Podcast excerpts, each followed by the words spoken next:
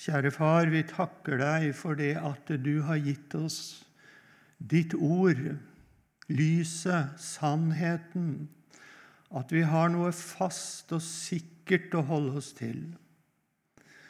Takk at du ikke har overlatt oss til oss selv og til menneskers tanker og meninger og alt dette som denne verden er så fullt av, som bare skaper kaos og forvirring. Men Herre, at du har gitt oss det faste og det sikre gjennom og ved ditt ord. Men så takker vi også, Herre, for de som har gjennom arbeid og forskning og på mange måter fått innsikt og forståelse i det som er sant og rett, som har fått eh, se inn i din skaperordning og skaperorden, slik som du har gitt oss den i skapelsen. Så ber vi, Herre, om at vi kunne få bli åpne og mottagelige for alt som er sant og rett, og at vi gjennom dette også kunne få være til hjelp for noen av dem som vi møter på vår vei. Amen.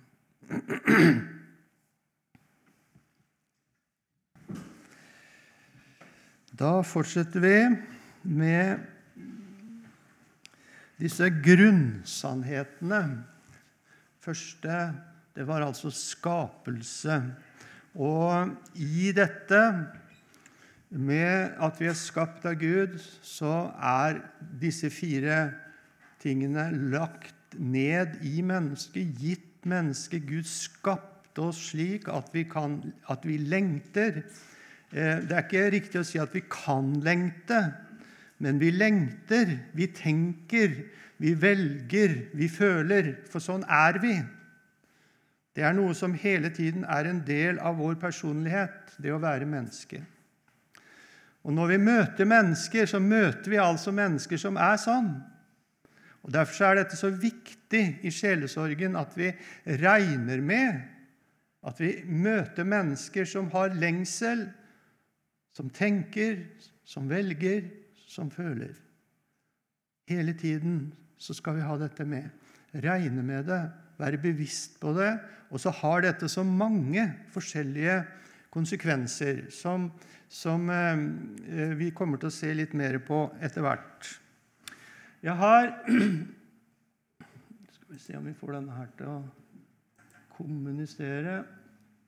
Jeg har summert det, dette her med et bibelvers fra Salme 42 og vers 2-5 et veldig fint vers som nettopp har, eller flere vers her, som har alle disse fire tingene i seg, og som nettopp er der fordi at Gud har skapt oss slik. Som en hjort skriker etter rennende bekker, slik skriker min sjel etter deg, Gud. Min sjel tørster etter Gud, etter den levende Gud.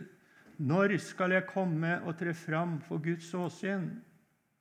Mine tårer er min mat dag og natt, fordi man hele dagen sier til meg, Hvor er din Gud?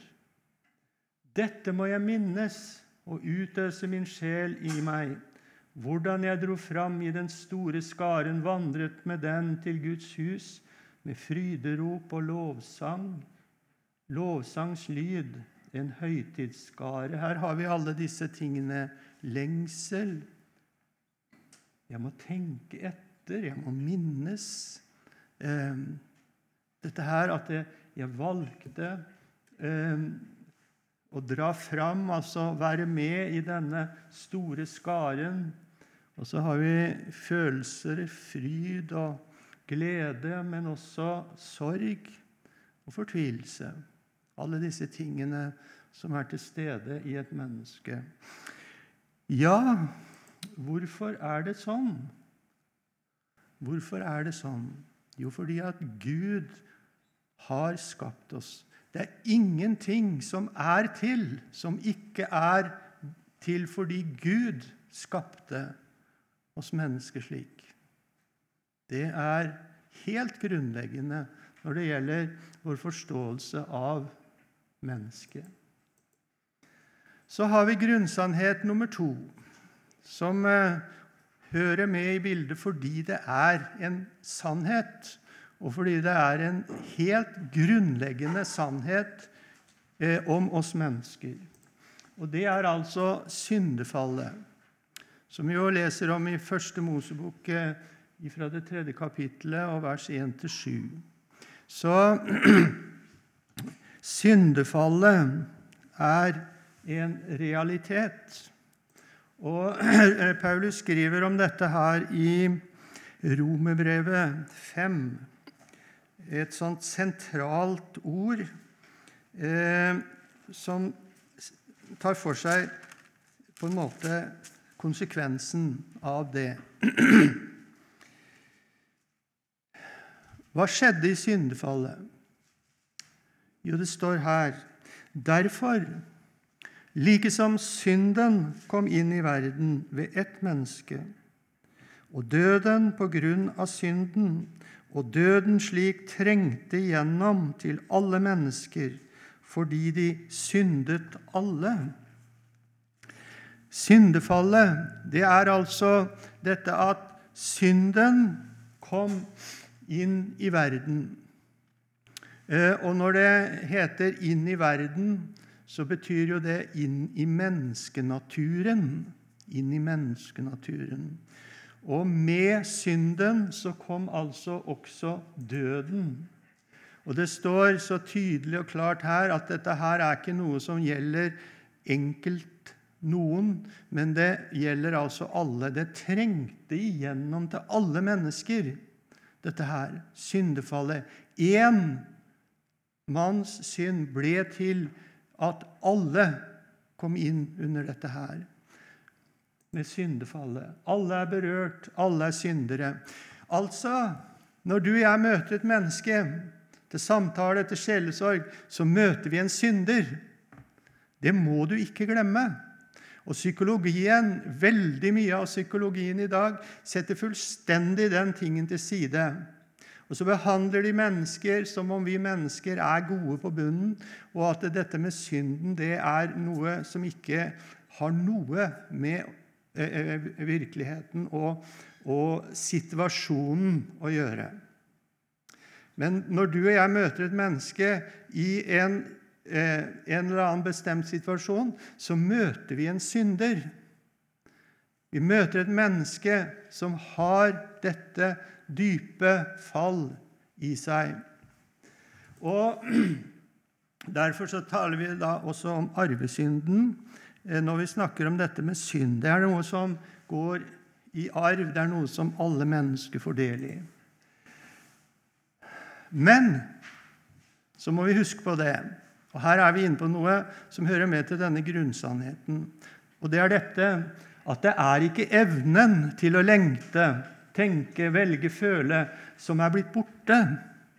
Det er ikke sånn at syndefallet liksom utsletta dette her. Alt ble ødelagt liksom tvers igjennom. Nei, eh, men det som har skjedd, det er det at det, i og med synden så er det kommet noe inn i dette. Inn i mennesket, inn i disse fire som, som vi har eh, sett på som har snudd alt mot Gud. Altså, Det er noe som har kommet fullstendig på avveie. Noe som er, noe som er Det har skjedd noe som har, som har eh, gjort at her er det noe alvorlig galt. Og Vi skal se på noen bibelsteder her også, fordi at eh, mange tenker ja, selvfølgelig, dette vet vi jo. Ja, men i møte med den, den tenkning som vi har på, alle, på, på, nesten rundt oss på alle kanter i dag, så er det så viktig at vi har feste i noe annet enn 'dette mener jeg', og 'dette tror jeg', og 'dette er jeg overbevist om'. Ja, hvorfor det? Jo, fordi det er Guds ord som er så tydelig og klart og viser oss dette her. Når det gjelder lengsel, så, så står det Hva er det som har skjedd med denne lengselen, som jo egentlig bare er for Gud?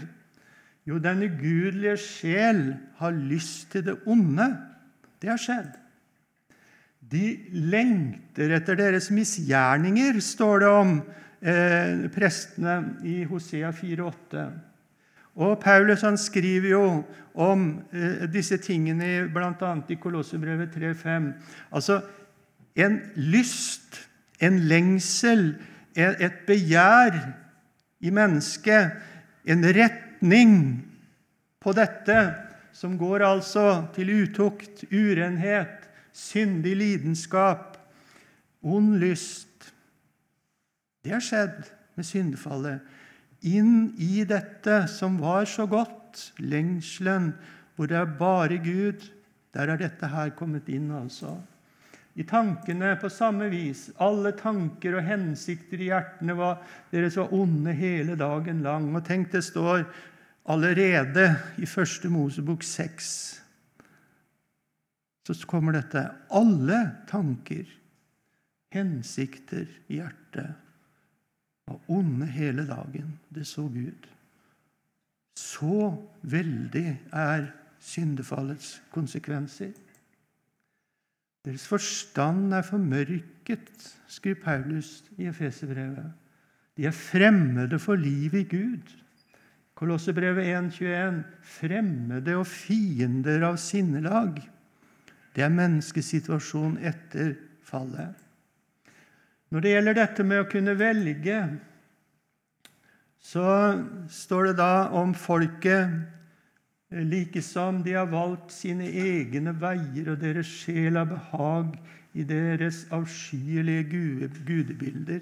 De velger altså egne veier, de velger mot Gud. Så vil jeg velge å gjøre ondt mot dem, sier Herren. Din synd legger ordene i din munn. Du velger falske menns tale. Ja, hvorfor gjør mennesket det? Det er pga. synden som har kommet inn. På samme måte med følelsene. De gleder seg ved å gjøre ondt og jubler over alt som er galt. Ja, Sånn er mennesket pga. syndefallet. Vi lever midt oppi det. Ja, ja, men ikke bare det. Alt dette her det kjenner vi jo til fra vårt eget indre, fra vårt eget liv. Synden som er der til stede i hvert menneske. Det trengte gjennom, og så ligger det der. Så skal jeg ta med noe fra Concordie-formelen. Det er artikkel 1 om arvesynden. Veldig opplysende.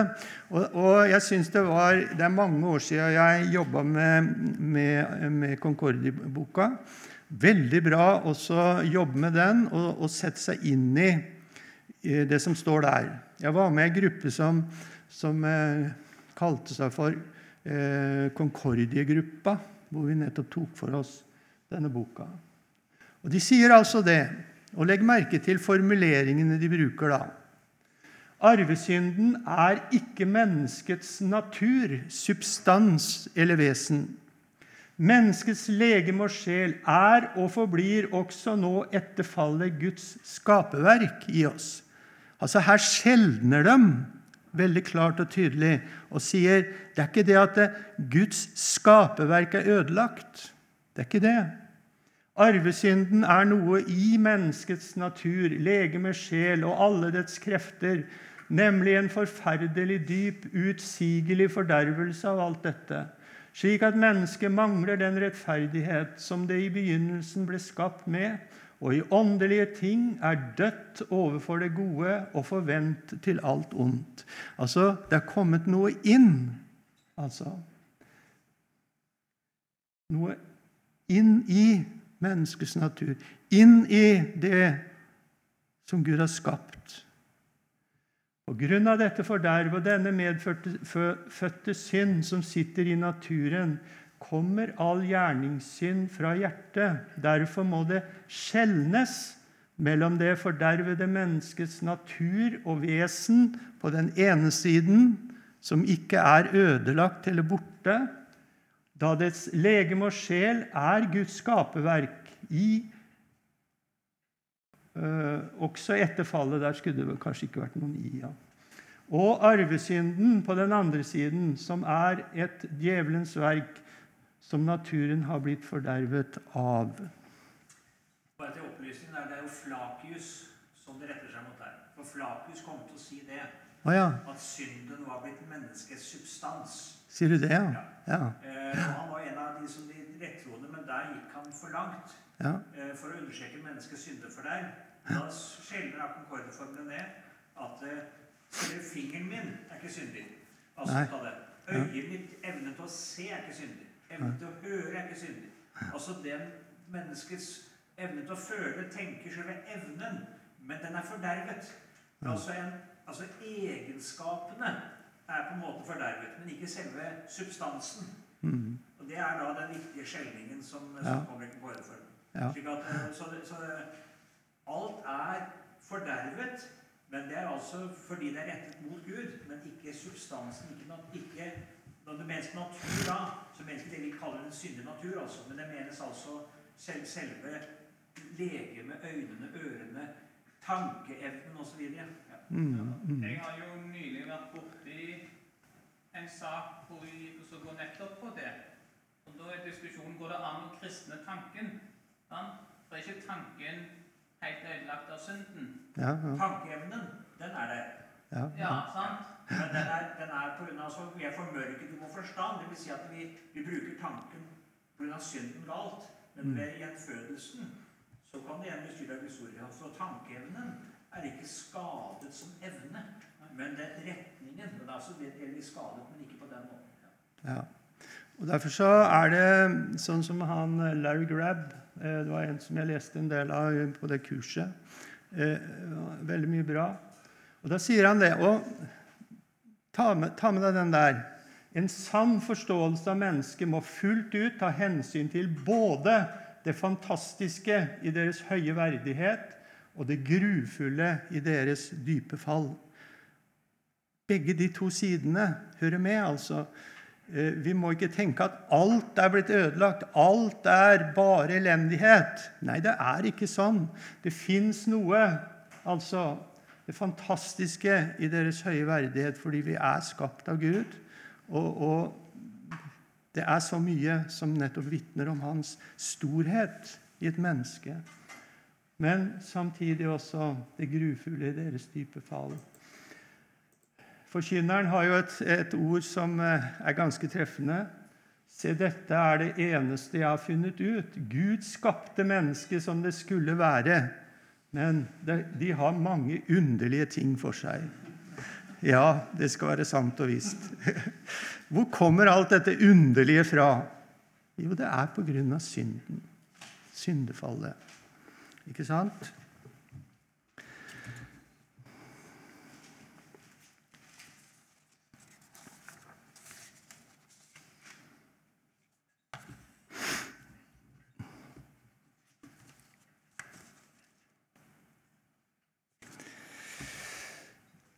Da skal vi se litt på eh, disse hver for seg, da. Disse egenskapene, eller det Gud har eh, Hvordan Gud har skapt oss mennesker, og hva det fører til.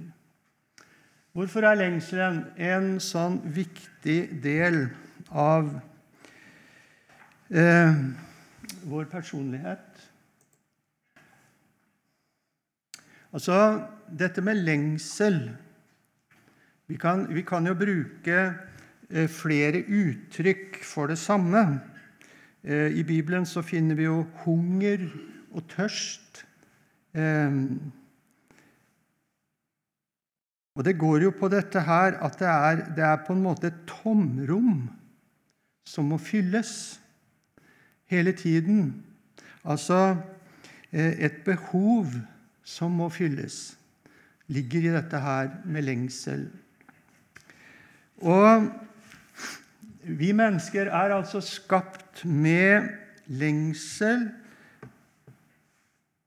Eh, Og dette har altså en helt bestemt retning, sånn som det, det eh, er, er, fra Guds hånd. Eh, og det er nettopp dette her at vi er skapt til Gud. Og det gjelder alle mennesker. Det er så viktig å få fram det. Søren Kirkegård sier det jo sånn Å trenge til Gud er menneskets høyeste fullkommenhet. Gud har skapt oss sånn at vi trenger Han. Og Det gjelder ikke bare kristne mennesker, men det gjelder alle mennesker. Det er likt fordi vi er skapt av Gud. Augustin han har jo en annen setning som er veldig kjent. Du har skapt oss til deg, o Gud, og vår sjel er urolig inntil den har funnet hvile i deg.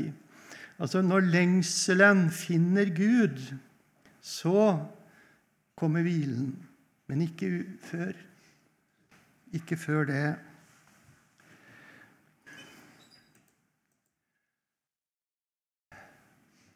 Og dette med lengselen som ligger i oss mennesker, det er noe Gud eh, rører ved når han eh, eh, kommer til oss, når han, når han eh, vil nå inn til oss. Gud bevisstgjør vår lengsel når han kaller oss til seg. Eh, vi ser det i Jesaja 55. Nu vel, alle dere som tørster, kom til vannene. Hva er det Gud sier her? Jo, han sier til hvert menneske, 'Du tørster'. Og så er vi nettopp på dette her at de fleste mennesker vet ikke det. De kjenner ikke til seg selv på denne måten. Og så er det noe vi skal få være med på å prøve eh, gjennom en sjelesorgprosess å gjøre mennesker oppmerksomme på, eller hjelpe dem til å forstå at de tørster. At det er noe i dem som tørster. Og Gud sier, 'Han komme til meg'. Kom til vannene. Og Jesus sier jo akkurat det samme om noen tørster. Han kommer til meg og drikke. Det vil altså si at vår lengsel er til for Han. Synd, det er altså livstørst, eller denne lengsel på avveie. Eh, når mennesket søker alle andre steder og fortsatt er drevet av denne dype lengsel For det er det som ligger under, uten at mennesket forstår det. Så eh, søker de jo hele tiden å slukke sin tørst eller, eller, eh, eller finne det de lengter etter, i alt annet en surrogattilfredsstillelse. Vi har jo dette fra Jeremia 2, 13, som er veldig sentralt, hvor Gud taler til sitt folk Israel og så går i rette med dem og sier to onde ting har mitt folk gjort. Meg har de forlatt, kilden med det levende vann. Ser du det? Det er bare én kilde med levende vann som tilfredsstiller menneskets lengsel, og det er altså Han, Gud. Og så har de hogd seg ut brønner, sprukne brønner, som ikke holder vann. Og det er et godt uttrykk, fordi i disse andre er, det, er ikke det levende vann. Der er ikke det vann som alene kan fylle vårt behov som menneske. Sprukne brønner.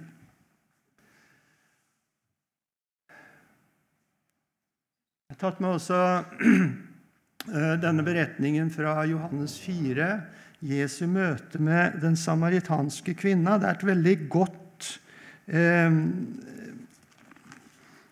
Her møter vi dette her på en veldig tydelig måte. Vi kan lese de versene fra 10 til 15. Han møter altså en kvinne eh, der ved brønnen i Sykar. Jesus svarte og sa til henne, Kjente du Guds gave, og visste du hvem det er som sier til deg, Gi meg å drikke, så hadde du bedt Han, og Han ville gitt deg levende vann. Kvinnen sier til ham, Herre, Du har ikke noe å dra opp vann med, og brønnen er dyp. Hvor har du da det levende vann fra? Du er da vel ikke større enn vår far Jakob, som ga oss brønnen, og selv drakk av den, og likeså hans sønner og budskapen hans. Jesus svarte og sa til henne, Vær den som drikker av dette vannet, blir tørst igjen. Men den som drikker av det vann jeg vil gi ham, skal aldri i evighet tørste. Men det vann jeg vil gi ham, blir i ham en kilde med vann som veller fram til evig liv. Kvinnen sier til ham, Herre, gi meg dette vann, så jeg kan slippe å tørste og gå hit for å dra opp vann.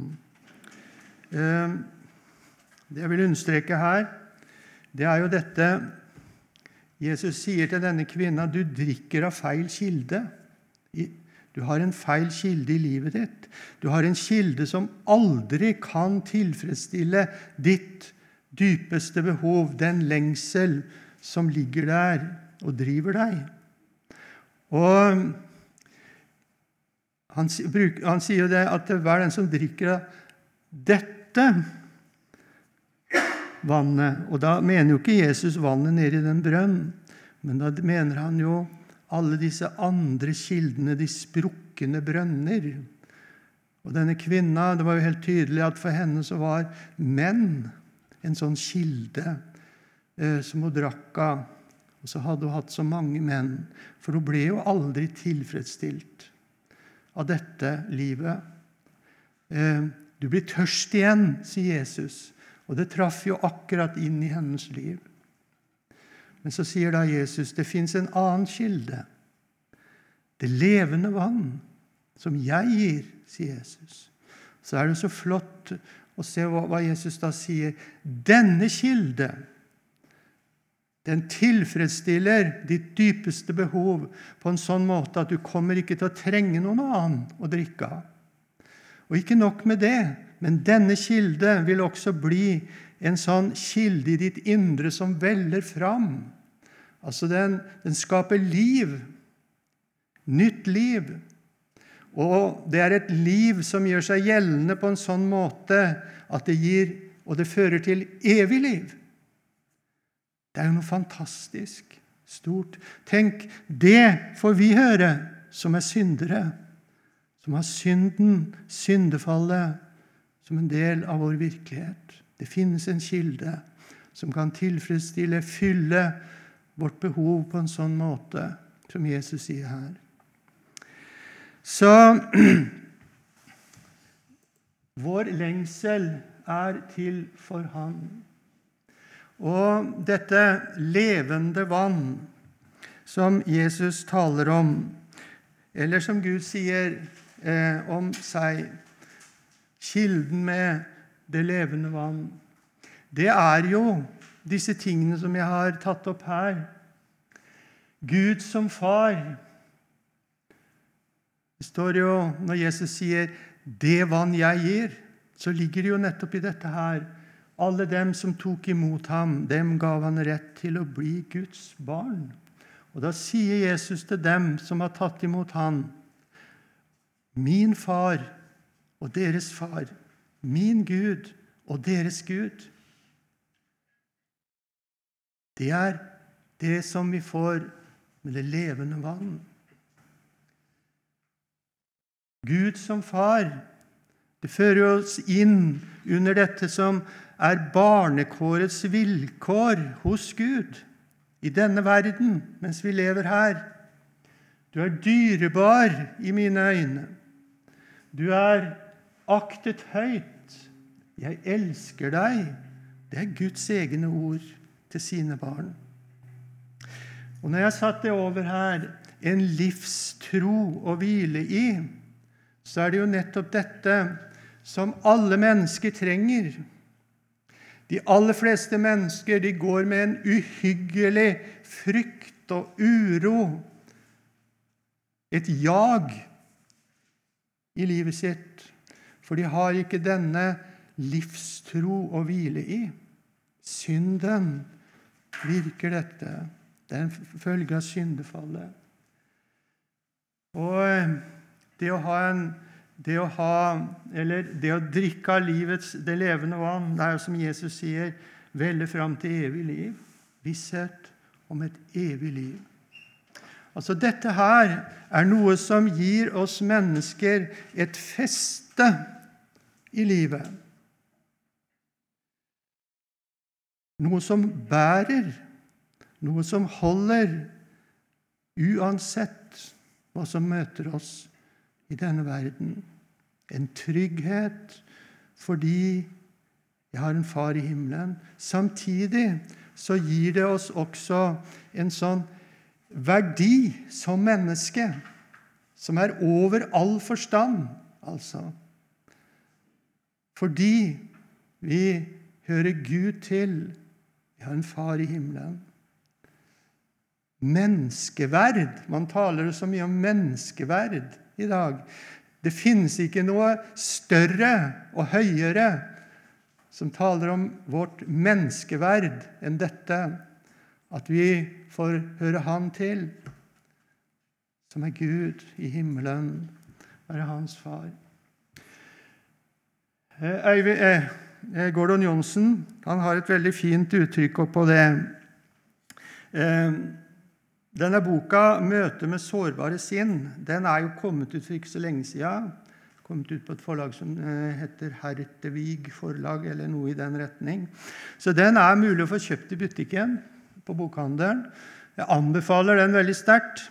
Eh, mye av boka er veldig mye historie om Modum og, og disse tingene som, eh, som, Gordon Johnsen var med å bygge, bygge, opp. Men så er det to avsnitt i den boka som er gull verdt. altså hvor, hvor du får, får, et veldig innsikt i hans tenkning, eh, menneskesyn, teologi, altså hele dette veldige eh, Og denne, denne her samspillet mellom sjelesorg og psykoterapi som han, som han eh, jobba med.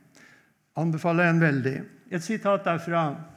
Det er en mektig forankring for et sinn å kunne hvile i forvissningen om at der finnes en slik kjærlighet, altså Guds kjærlighet, demonstrert konkret på et kors, virkeliggjort, i, realisert i tilgivelsens nåde. Det er en livstro å hvile i, virkelig.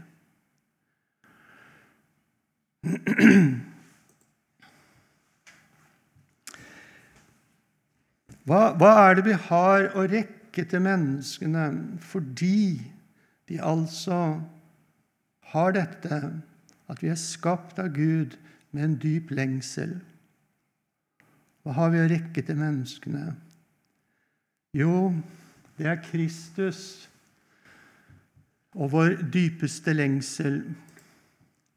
Korsets betydning. I ham vi finner så mange sånne setninger i Bibelen hvor, hvor nettopp dette her understrekes igjen og igjen.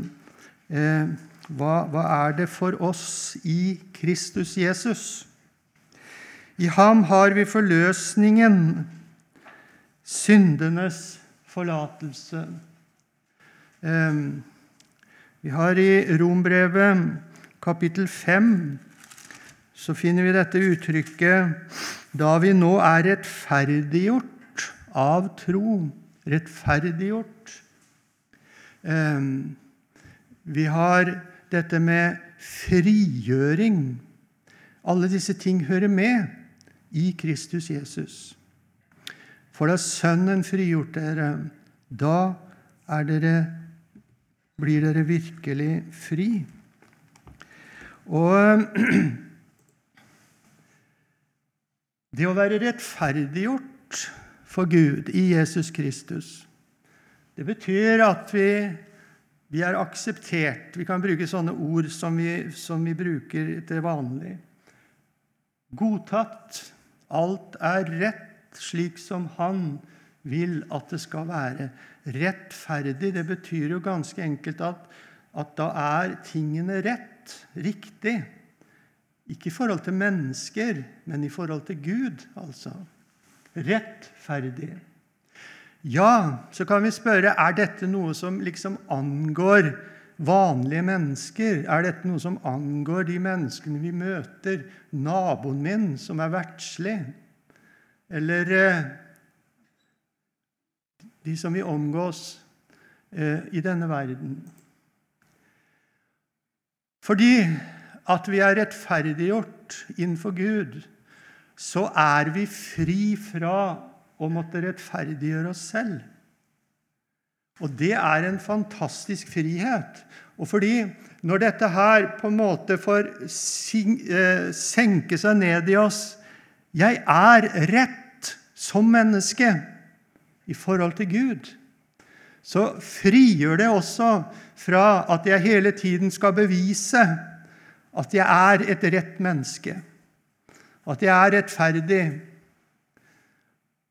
Fordi det er noe som jeg er i Jesus Kristus overfor den høyeste instans som finnes for oss mennesker, nemlig overfor Gud. Ja? Det, jeg, jeg tenker litt på uttrykkene. For, for um, her skal man være varsom. Fordi veldig mange forstår eh, selv et ord som akseptert og godtatt. Eh, at de aksepterte Godsatt som menneske. Også hvis man da, eh, Og det, det er jeg jo ikke. Men i Kristus er jeg det.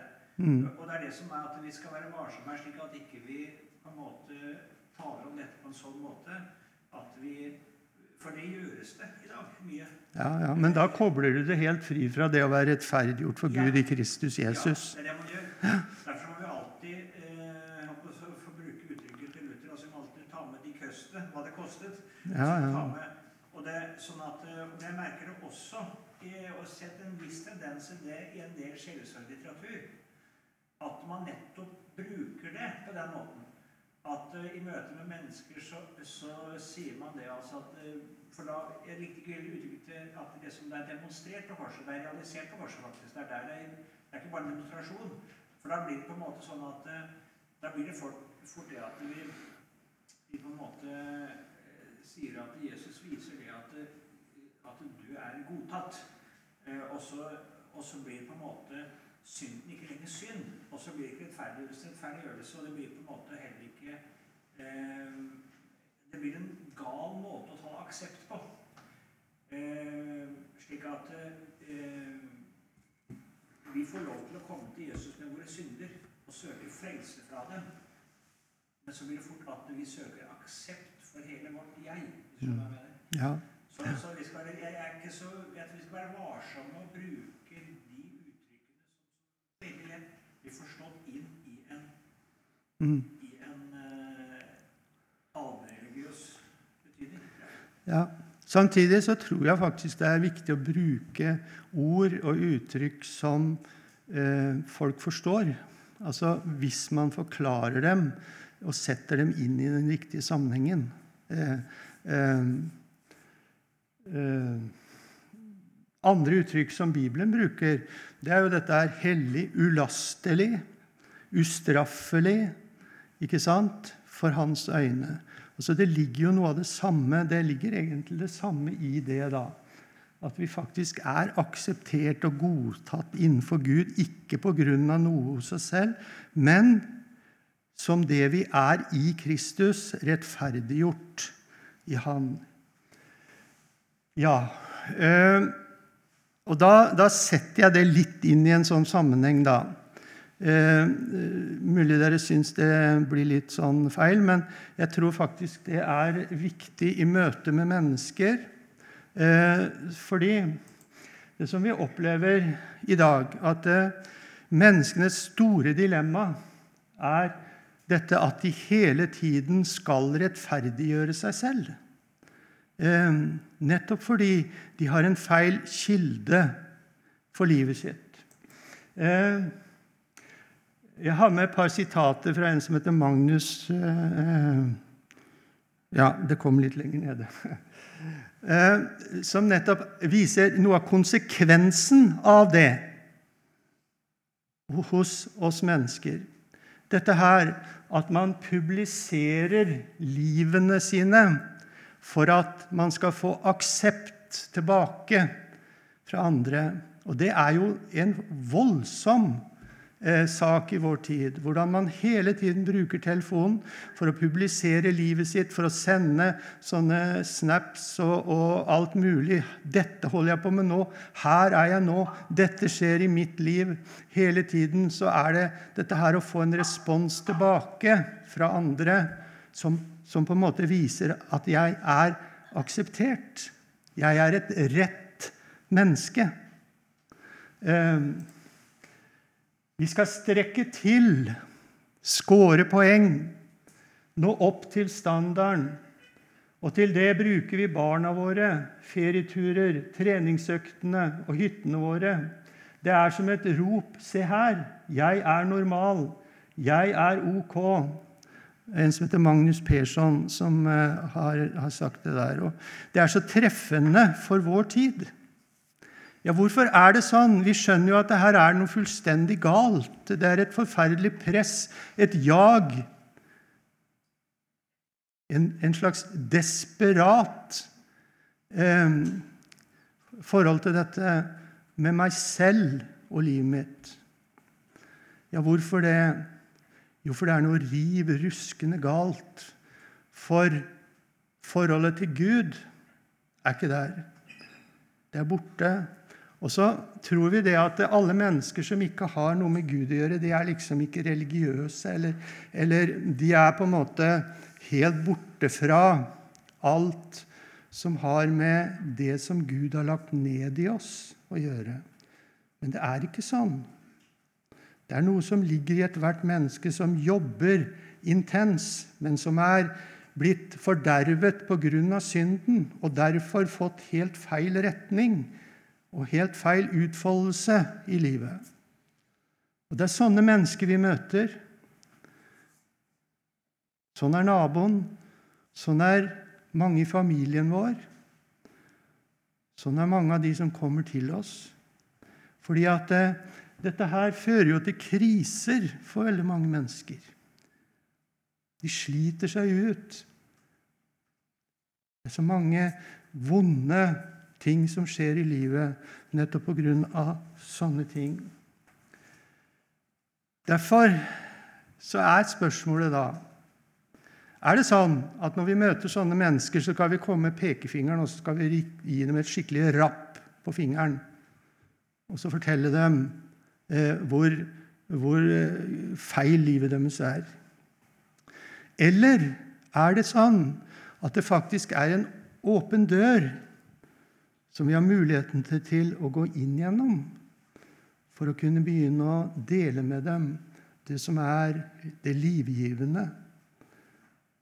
Jeg tror det. At det kan være det. At det nettopp er en anledning når vi møter mennesker som begynner å snakke om dette her, og hvor fælt og hvor, hvor, hvor slitsomt alt er. Nettopp en mulighet til å tale med dem. Ja? Kanskje disse tingene som gjør at den store majoritet er helt tause i disse tingene rundt kjønn og seksualitet osv. Selv om mange ikke sånn uten videre kan omfavne det, det som på en måte da tas fram og blir det korrekte. Mm. Men at det er nettopp det at de eh, denne her å rettferdiggjøre seg sjøl, altså det oppleves som et angrep da, på, på folk. Eh, som de liksom vil unngå. Mm. Og så godtar en alt. Mm. mm. Ja. Er det pause nå, tror du? Ja. Da blir det kvarter? Cirka?